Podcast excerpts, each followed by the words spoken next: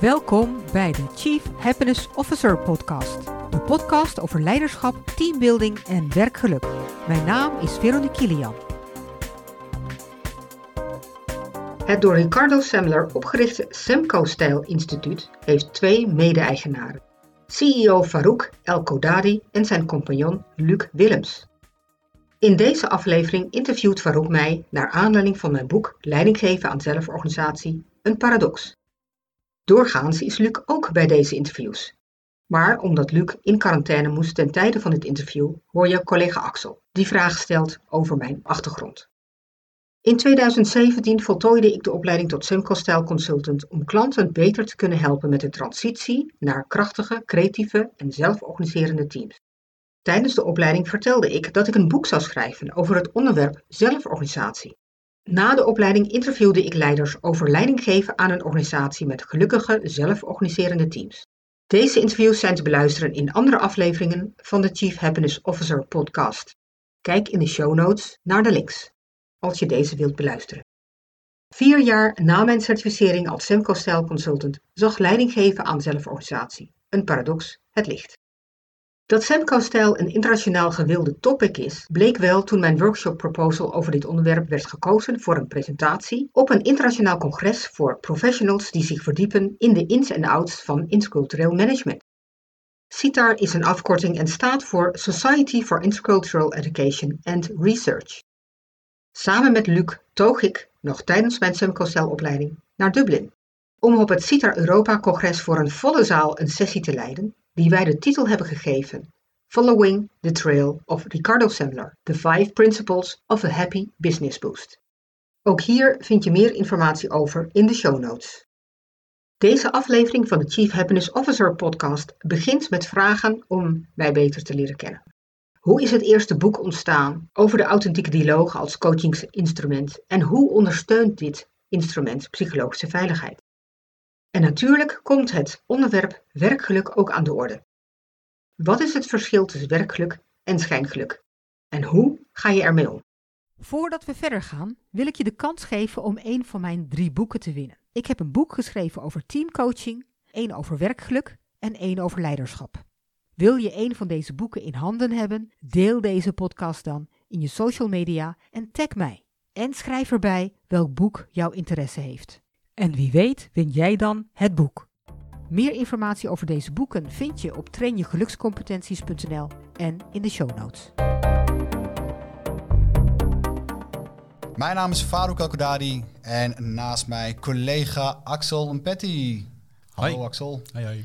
Beetje zin in vandaag? Ik uh, denk dat het een, uh, leuk gesprek gaat worden vandaag, ja. Nou, dat denk ik ook wel, inderdaad. Ja, want uh, vandaag hebben wij een hele bijzondere gast, Veronique Kilian. Welkom, Veronique. Dankjewel. Leuk dat je er bent. Dank je. Een uh, tijdje terug dat we elkaar voor het laatst hebben gezien. Inderdaad. Dus nou, ik ben heel benieuwd naar je nieuwe boek, want daar gaat het vandaag over. wie is Veronique? Veronique Kilian, um, zij is trainer, spreker, teamcoach en auteur van inmiddels haar derde boek. En Veronique heeft een internationaal achtergrond en heeft een verlangen om een allround fundament te leggen voor mensen en organisatie. En uh, dat inspireerde haar om af te studeren in algemene sociale wetenschappen met als specialisatie intercultureel management. En in deze podcast gaan wij in gesprek over haar nieuwe boek, Leiding geven aan een zelforganisatie, een paradox, vraagteken. Het boek beschrijft de inrichting van zelforganisaties en de uitdagingen die daarmee gepaard gaan. Veronique noemt ze ook wel de paradoxen van zelforganisaties. Uh, want is vaak de stelling: zonder leiderschap werkt een zelforganiserend systeem niet. Of misschien toch wel, Veronique. Dat gaan we vandaag allemaal horen. Uh, maar zoals je van ons gewend bent, beginnen we de podcast met het leren kennen van onze gast. Ben je er klaar voor, Veronique? Jazeker. want uh, je zal het misschien al eerder hebben gehoord. Want wij beginnen altijd onze podcast met een vrij persoonlijke vraag. Uh, uh, die is voor de een makkelijker te beantwoorden dan voor de ander. Uh, maar ik vind het ontzettend leuk om gewoon te weten wie zijn nou altijd de mensen die, ehm, nou ja, in dit geval Veronique hebben grootgebracht. Dus de eerste vraag gaat over jouw ouders. Dus ja, wie is je vader en wie is je moeder? Ja, dat is inderdaad een hele persoonlijke vraag. Uh, en daar vind ik het leuk om over te vertellen. Uh, mijn moeder uh, is een bijzonder kunstminnende vrouw. Zij had altijd verlangen naar schoonheid en om creatief bezig te zijn. En dat is wel iets wat ik van haar heb geërfd. ik heb bijvoorbeeld jarenlang ben ik naar buitenkunst gegaan. Dat is een soort festival in de zomer. En dan leerde ik een hele week uh, te werken aan één thema. En dat was bijvoorbeeld uh, personages schrijven of uh, regisseren, verhalen schrijven, reisverhalen, columns schrijven. Dat soort dingen deed ik daar allemaal. en een ander voorbeeld is, ik heb onlangs mijn tuin helemaal herontworpen. de tuin was vol met grijs beton. het was helemaal mistroostig, zou je kunnen zeggen. En ik heb met een tuinontwerpster heb ik er een soort van paradijsje van gemaakt. En uh, zij heeft het zo ontworpen dat het veel breder lijkt. Uh, met een beplantingsplan staat de tuin nu helemaal in bloei. ik heb, vind ik zelf, de mooiste flagstones gevonden. Oh. Er zitten romantische bankjes in. Oh, heel ja, dus, ja. Van, van beton naar romantiek. Ja, ja inderdaad. Ja. ja, klopt. Ja. En heeft kunst ook nog een plekje gekregen in je nieuwe tuin? Nou, niet kunst in de zin van, uh, van uh, schilderijen, maar wel kunst in, uh, in het ontwerp. Ja, oké. Okay, ja, ja, ja, ja. ja. Ah, mooi. Ja, en die flagstones zijn ook prachtig. Zo een beetje geel-goud en dan een beetje dat grijs-blauwe er doorheen. Mm.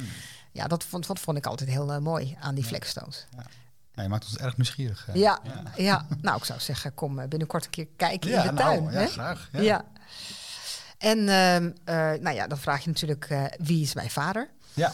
Eh, mijn vader was een zeer ambitieuze man. hij had een carrière gemaakt in de financiën. Een hele harde werker. En dat ambitieuze heb ik ook van hem geërfd. Ik ben iemand ehm, met een persoonlijke missie. Ik vind het heel belangrijk om dingen te doen om bij te dragen aan zingeving.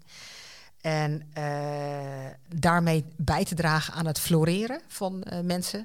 Dus de mensen die ik begeleid als coaches, die hebben ook vaak levensveranderende transformaties ja. die ze meemaken. Mm -hmm. En dat ze dus dingen gaan krijgen die ze niet voor mogelijk hadden gehouden. Ja. En dat kan variëren van uh, dat ze uh, naar een andere baan gaan, tot met dat ze patronen doorbreken en ineens voor zichzelf opkomen. Of dat ze zich gelukkiger gaan voelen mm. in het werk. Ja. ja. Wat niet heel onbelangrijk is. Nee, zeker. Ik ben geneigd al om vragen te stellen. Ik denk uh, jij ook, ja. Axel, als ik je zo zie. Ja. Maar dat doen we nog niet. Nee. Dus die houden we nog even vast. Ja. Nou ja, dan, dan hebben, we, hebben we al een kijkje gekregen in, in, in wie je ouders zijn. Um, en zit daar ook nog misschien ook nog iets achter wat voor jou ook de motivatie is geweest voor het schrijven van uh, überhaupt van dit boek, maar ook voor andere boeken? Nou, ik denk dat de motivatie voor het schrijven van uh, mijn boeken is omdat ik het heel fijn vind om dingen over te dragen. Mm -hmm. uh, dus uh, in trainingen, in, in lezingen. Ja. En ik vind het fijn om dat op zo'n manier te doen dat mensen geïnspireerd raken. Ja. En als mensen dan uh, een, een, boek hebben waarin ze ook handvatten krijgen, uh, dan ben ik daar helemaal blij mee. Mijn eerste boek is eigenlijk ontstaan uh, omdat ik een, een cyclus gaf, een, een, training gaf, van meerdere sessies over hoe faciliteer je nou een authentiek dialoog. En de authentiek dialoog die heb ik uh, geleerd uh, in een netwerk wat ik opgericht had. Want je had het al over intercultureel management. Ja. Ik heb een netwerk opgericht, uh, dat heet Young Sitar. Dat heb ik opgericht tijdens en na mijn afstuderen. Ja, en, weet nog. Ja, wat goed van je. Ja. Een van onze eerste gesprekken, dat is inmiddels ook al een paar jaar terug. Dus ja, ja zeker. Ja. Nou, Oké. Okay. En um, we gingen dan congressen organiseren in uh, elke keer in een ander land. Ja. En dan kwam er bijvoorbeeld uh, uh, iemand die had de authentieke dialoog, zo heette het toen nog niet, dat is de naam die ik eraan heb gegeven. Ja. die kwam een workshop geven. En dit was een professor met een Japanse achtergrond uit de Universiteit van Witte. En die noemde het dialogue process. En ik was uh, meteen verkocht toen we dat deden. Want er ontstond meteen een hele mooie sfeer. We zaten daar in een, in een, in een groep van allemaal internationale mensen. Van Japan tot met uh, Amerika, Canada en mensen uit Europa. En er was meteen verbinding. En uh, ik heb jarenlang heb ik die workshops. Hè, elke keer kwam die dan terug in een ander congres in een ander land. Totdat ik besloot met een groepje om een trainer-trainer te gaan organiseren met hem. En toen hebben we zelf heel veel authentiek dialogen gedaan. En uiteindelijk ben ik bij een klant gekomen die zei: joh, wij zijn al een tijdje onderweg. We hebben al een tijdje intervisie gehad. Maar er is een dynamiek in ons team en we kunnen de vinger er niet op krijgen. En toen zei ik, ja, dan moet je naar de onderstroom. En ik denk dat uh, de methode die ik heb geleerd uh, daar heel zinnig voor is. En ik heb dat team mogen begeleiden, tweeënhalf jaar uiteindelijk, iedere maand lang. En niet alleen dat team, maar ook andere teams uh, in die organisatie. Ik heb deze methode gebruikt bij teams die gingen fuseren. En ik zag elke keer dezelfde dynamieken terugkomen. En ik begon natuurlijk om de, uh, de kneepjes uh, in de vingers te krijgen. Mm -hmm. Wat nou, nou werkte. En uiteindelijk heb ik gekozen voor de authentiek dialoog als naam. Omdat dit een manier is waarop teams hun um, worstelingen kunnen delen. Het achterste van een tong kunnen laten zien. Ik heb zelfs een keer een teamlid gehad die zei: Nou, ik heb wel vaker uh, dat ik teambuilding krijg. Nou, dat is twee uur. Dan hou ik gewoon mijn mond en uh, dan is het zo voorbij. Ja. Maar dat lukt dus niet met de authentiek dialoog. Dus dat is mooi, dat, want er komt wel echt op tafel wat er speelt en, en wat ze bezighoudt. Ja. Uh, maar betekent dit dan dat jij inmiddels weet wat dan, hoe dan die ideale organisatie eruit ziet, Veronique? De ideale organisatie. De ideale organisatie. Ja, jouw ideale organisatie. Hè? Oh, mijn ideale ja, ja, organisatie. Nou, natuurlijk heb ik wel een streven. Uh, uh, een, een, organisatie uh, waar ik me thuis zou voelen. Misschien is dat wel, als ik dat zo mag Goeie. noemen, hè, als uitgangspunt. Dat is een organisatie waar veel ruimte is voor het menselijk hart. dus dat je verbinding kan maken van hart tot hart. dat je je als mens uh, prettig voelt daar. Mm -hmm. Dat er duidelijke doelen zijn. Hè, dat, dat je ambities hebt, dat je ergens naartoe werkt. Dat je mensen uitdaagt om uh, bijna, of niet bijna, om over zichzelf heen uit te stijgen. Ja. En uh, dat ze ook daadwerkelijk kunnen floreren. Dat als er dingen zijn, dat het transparant is. Hè, dus dat je dat met elkaar ook kan uitwerken. Want uh, op het moment dat er iemand is die iets doet wat jou triggert, dan zegt dat zeker iets over die ander, maar ook absoluut iets over jezelf. Ja. Dus als je samen, um, door middel van de geweldloze communicatie, daar heb ik me de laatste jaren veel in getraind, uh, de verdieping in kan gaan om te kijken van waar komt het nou vandaan. En dan kan je veel potentie openen. Maar er zit ergens ook een grens aan. Soms moet je gewoon uh, duidelijke keuzes maken en zeggen dat je niet bij elkaar past en dat je dan uit elkaar moet gaan. Ja. He, dus het is niet uh, uh, pappen en nat houden. Um, en de, de, de, de organisatieresultaten geven feedback. Dus dan weet je, zit ik in de goede richting of niet. Los van, en dat is natuurlijk ook heel belangrijk, zit het van binnen goed. Hè? Soms dan heb je niet de meeste opdrachten of de hoogste omzet, maar voel je van binnen, ik zit op de goede weg. Ja. Ja, daar, daaruit haal ik ook wel dat dus de organisatie iets heel persoonlijks is. Dan moet iemand zich thuis voelen. Dat is voor, uh, voor iedereen hier aan tafel anders natuurlijk. Ja. Um, en ja, dat zie ik dan ook wel terug in, in wat je zegt over uh, dat dialoog en het proces van de dialoog. Als ik dan nou, zo, je, zo je boek hoor en uh, ik heb hem gelezen, vol met praktische handvatten, maar ook gewoon zijn bepaalde hoog over thema's die ook worden besproken. En ik denk dat dat misschien een beetje de valkuil is van heel veel managementboeken tegenwoordig. Vaak heel veel hoog over, maar wanneer begin je nou? Uh, dat is wel de vraag waar, waar wij ook vaak mee, uh, mee aan de slag gaan. Is van oké, okay, nou, er zijn bepaalde abstracte concepten, maar hoe maken we die nou concreet? Waarmee wil je nou beginnen? Ja. Um, hoe wil jij in je werk staan? Ja. Um, en dat is nou, voor jou uh, anders dan, dan voor Farouk en ook anders dan, dan voor mij. Ja. Um, en het gaat denk ik ook inderdaad wat je zegt om die, om die eerlijke gesprekken te voeren. Zijn we bereid om de moeilijke gesprekken te voeren, maar ook om de hele persoonlijke gesprekken te voeren? Mm -hmm. um, ik vind dat een heel, een heel mooi houvast om um, hem als volgt te benaderen. Kun je buiten de bedrijfsdeuren dezelfde persoon zijn als daarbinnen? en daarmee dus ja, je thuis voelen. Want ja, aan het eind van de dag wil je natuurlijk de verantwoordelijkheden die je neemt ja, in je gezinsleven, wil je eigenlijk ook gewoon op de werkvloer laten zien. Want je doet volgens mij een hele hoop uh, in je gezin waar je verantwoordelijkheid neemt, feedback geeft. Eigenlijk meer op continue basis dan, uh, dan eens in het kwartaal volgens mij. Tenminste, ja. dat mag ik hopen. Ja. Um, dus in die zin is thuisvoelen uh, denk ik een heel mooi paraplu voor het omschrijven van een toekomstige organisatie. Ja. Nou ja, sterker nog, als ik, uh, ik geef ook de opleiding tot werkgelukdeskundige. En uh, de, uh, een van de eerste dingen die ik doe met de deelnemers is hun geluksmakers opschrijven. En dat laat ik ze uh, dan opschrijven. En vervolgens blijkt dat uh, bijna 80% van de geluksmakers die ze opschrijven eigenlijk privé is, buiten het werk. Ja. Dan gaat het over uh, vakantie, en dan gaat het over uh, met vrienden uit eten, en dan gaat het over fietsen, en het gaat over lekker in de natuur zijn.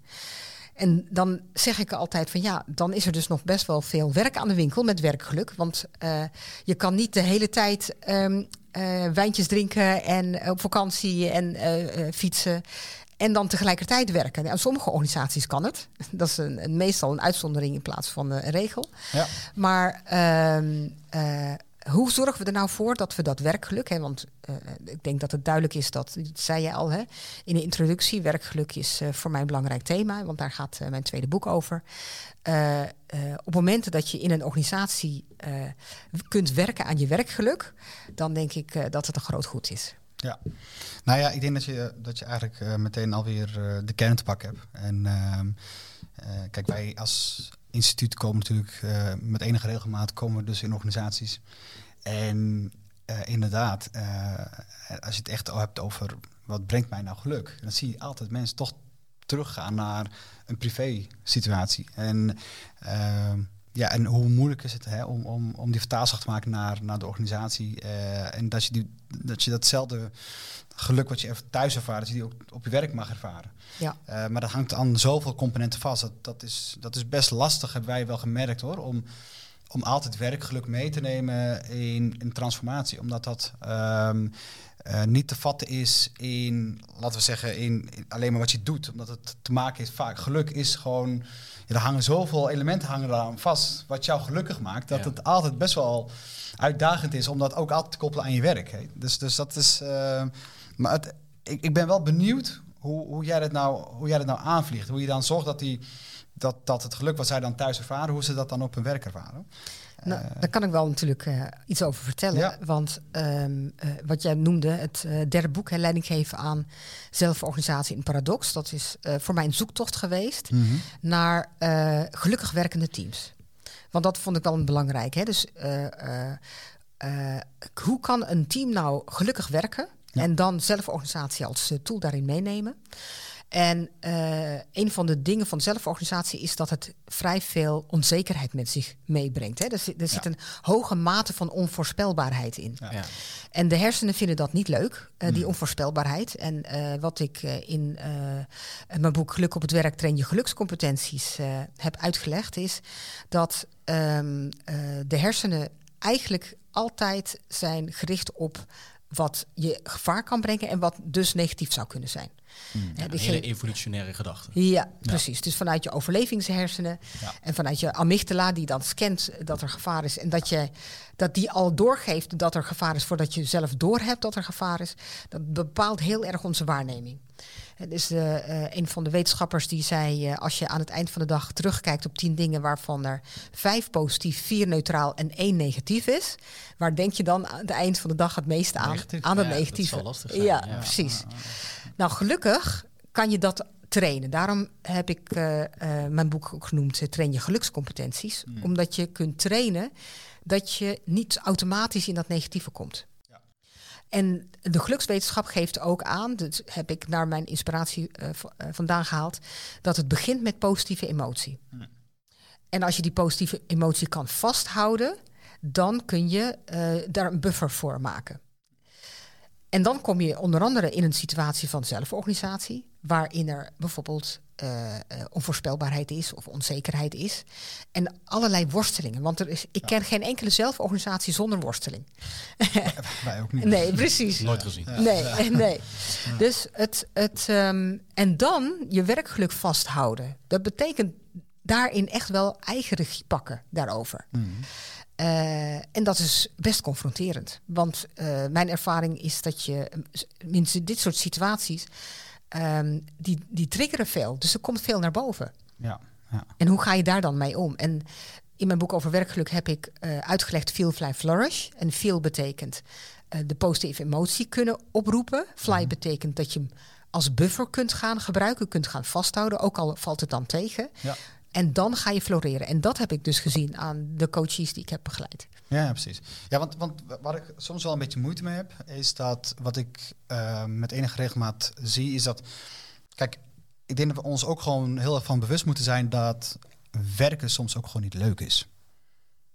Ja, ja belasting invullen hoort er ook bij. Weet je, ja, nee, maar en, en, en, ik, ik, dat concept moeten we met elkaar wel kunnen begrijpen. En, en het, soms is werk gewoon niet leuk. Uh, en soms komt werk op een hele vervelend moment in je leven. Uh, privé situaties die zich voor kunnen doen. Dan is alles te veel. Hè? Dus, dus ik denk dat, uh, dat we moeten oppassen dat we. Uh, dat we uh, werkgeluk, uh, het, het, het, hoeft niet per se synoniemen van elkaar te zijn. En dat, dat hè, dus we moeten een, een, zeggen, een, een, een, een, nou ja, een omgeving creëren die de mensen wel die nou ja, laat zeggen, die op zoek zijn hè, naar, naar die geluksmomenten of elementen in, in hun werk, dat die altijd gevonden kunnen worden. Maar dat de mensen die, uh, die daar misschien heel anders in zitten, dat die, dat die ook eventjes niet gelukkig hoeven te zijn. Hè, dus dus ik, ik, ik ben altijd een beetje op zoek ook naar, naar hoe, hoe, hoe, hoe, hoe maak je zo'n heel delicaat onderwerp, wat het toch wel heel erg is, vooral nu in deze tijd, waarbij het ook al heel erg lastig is om gewoon überhaupt personeel aan te trekken. Hoe zorg je dan voor dat uh, het soms ook gewoon, als je gewoon mag zeggen, ja, ook echt, echt zit daar gewoon. Even ja, ja. Je, ik heb gewoon echt even een klote dag. Ik heb er even, even geen zin meer in. Sorry voor mijn woorden, maar uh, en, en, en ik denk dat, dat we daar iets te voorzichtig mee, mee omgaan. En dus ik hoop dat we daar, uh, dat we daar iets beter op gaan letten met z'n allen. Dat we, dat we ook soms begrijpen dat soms gewoon werk gewoon gedaan moet worden. Ja, dat komt denk ik ook weer terug naar, naar, de eerlijke gesprekken die je zou moeten voeren. Hey, je kan een eerlijk gesprek hebben over dat je vandaag gewoon echt even niet zag zitten. Ja. Ik heb iets gedaan en ik eigenlijk deze hele week moet even aan de administratie. Nou, ja. Daar gaat niemand om juichen. Maar ben je het bereid om dat ze maar niet helemaal op te laten borrelen in jezelf? Ja. En dan vervolgens thuis in de situatie helemaal laten ontploffen. Maar dat kan je ook op je werk doen. Ja. En daar is een, nou, een veilige omgeving voor nodig. Ja. Uh, dus, dus daarin hoor ik wat je zegt, ja. ja. Dat psychologische veiligheid is denk ik inderdaad een, een punt. Hè? Echt, dat is heel belangrijk. Ja. En ik ben het zeker met je eens dat werkelijk een delicaat onderwerp is. En dat het kan gebruikt en misbruikt uh, worden. Precies. Uh, te pas en te onpas. En, uh, uh, en inderdaad, wat ik ook zie, uh, is dat de schaduwkanten, zoals ik ze noem, hè, de, de negatieve emotie, mm. als je die niet kan omarmen, dan wordt het inderdaad heel lastig. Want dan krijg je een soort schijngeluk. Ja. ja. ja. En dat is wat we niet willen. Uh, vanochtend uh, had ik nog een interview met uh, lid van de Raad van Bestuur van een zorginstelling. Ja. Ehm, ik mag hun begeleiden naar meer werkgeluk in de organisatie. En toen hadden we het even over wat is het verschil tussen werkplezier en werkgeluk. En hmm. een van de dingen was dat je kunt gelukkig zijn terwijl je toch dingen moet doen die je niet zo plezierig vindt, zoals administratie. Hè? Dat, ja, dat is wat, het voorbeeld wat jij net noemde. Um, en tegelijkertijd, als je dus er even doorheen zit, zijn er gelukkig allerlei manieren waarop je er wel mee kan omgaan. Want uh, wat ik ontdekt heb is, als je er doorheen zit, dan, dan eigenlijk krijg je zo'n tunnelvisie. Hè? Dan zie je dat op dat moment. Maar als je dan um, meer kan gaan ontspannen en in een andere hersengolflengte kan komen, dan ga je weer breder zien. En dan ga je meer context zien en dan ga je relativeren. En uh, dat is uh, wat ik uh, presencing noem. Dat is een, een van de geluksvaardigheden. Om erbij te zijn, erbij te blijven en weer breder visie te gaan ontwikkelen. Ja. Psychologische veiligheid is zeker ook een voorwaarde als je wil groeien in een zelforganiserend team. Ehm, ik heb daar een aantal elementen bij genoemd, omdat veiligheid onder andere te maken heeft met kwetsbaarheid en het laten zien van je gevoelens. Uh, maar ook een open gesprek durven te uh, voeren. En daar onder andere heb ik de authentiek dialoog in gebruikt. Ik heb recentelijk ook weer een team uh, chirurgen begeleid uit de zorg. En ook met de authentiek dialoog. En dan zie je dat de, het, het, delen van worstelingen, ook in zo'n team, dat het helpt om dat het team dichter bij elkaar gaat komen. Dus dat is echt wel een mooie, want dan ontstaat er steeds meer veiligheid, omdat mensen durven te gaan delen. Ja, ja absoluut. Word je blij van deze podcast? Abonneer je dan nu en laat een review achter en deel het met anderen op jouw social media, zodat meer mensen onze podcast kunnen vinden. Heb je ideeën, tips of wil je een onderwerp inbrengen voor deze podcast? Neem dan contact op via mail, Facebook, WhatsApp of bel. Ook als je een keer wilt proeven van een gratis 1 op 1 sessie. Alle contactgegevens vind je op de website trainjegelukscompetenties.nl. Hier kan je ook het boek Geluk op het werk, Train je gelukscompetenties bestellen. Wil je nou zelf aan de slag met werkgeluk? Volg dan de opleiding tot werkgelukdeskundige en Teamflow Coach. Op onze website vind je meer informatie over hoe we jou willen inspireren met ons netwerk. Wil je meer weten over concrete handvatten, praktijkvoorbeelden van andere organisaties of Chief Happiness Officers ontmoeten? Kijk dan in de blogs of kom naar een van onze events. Tot de volgende keer!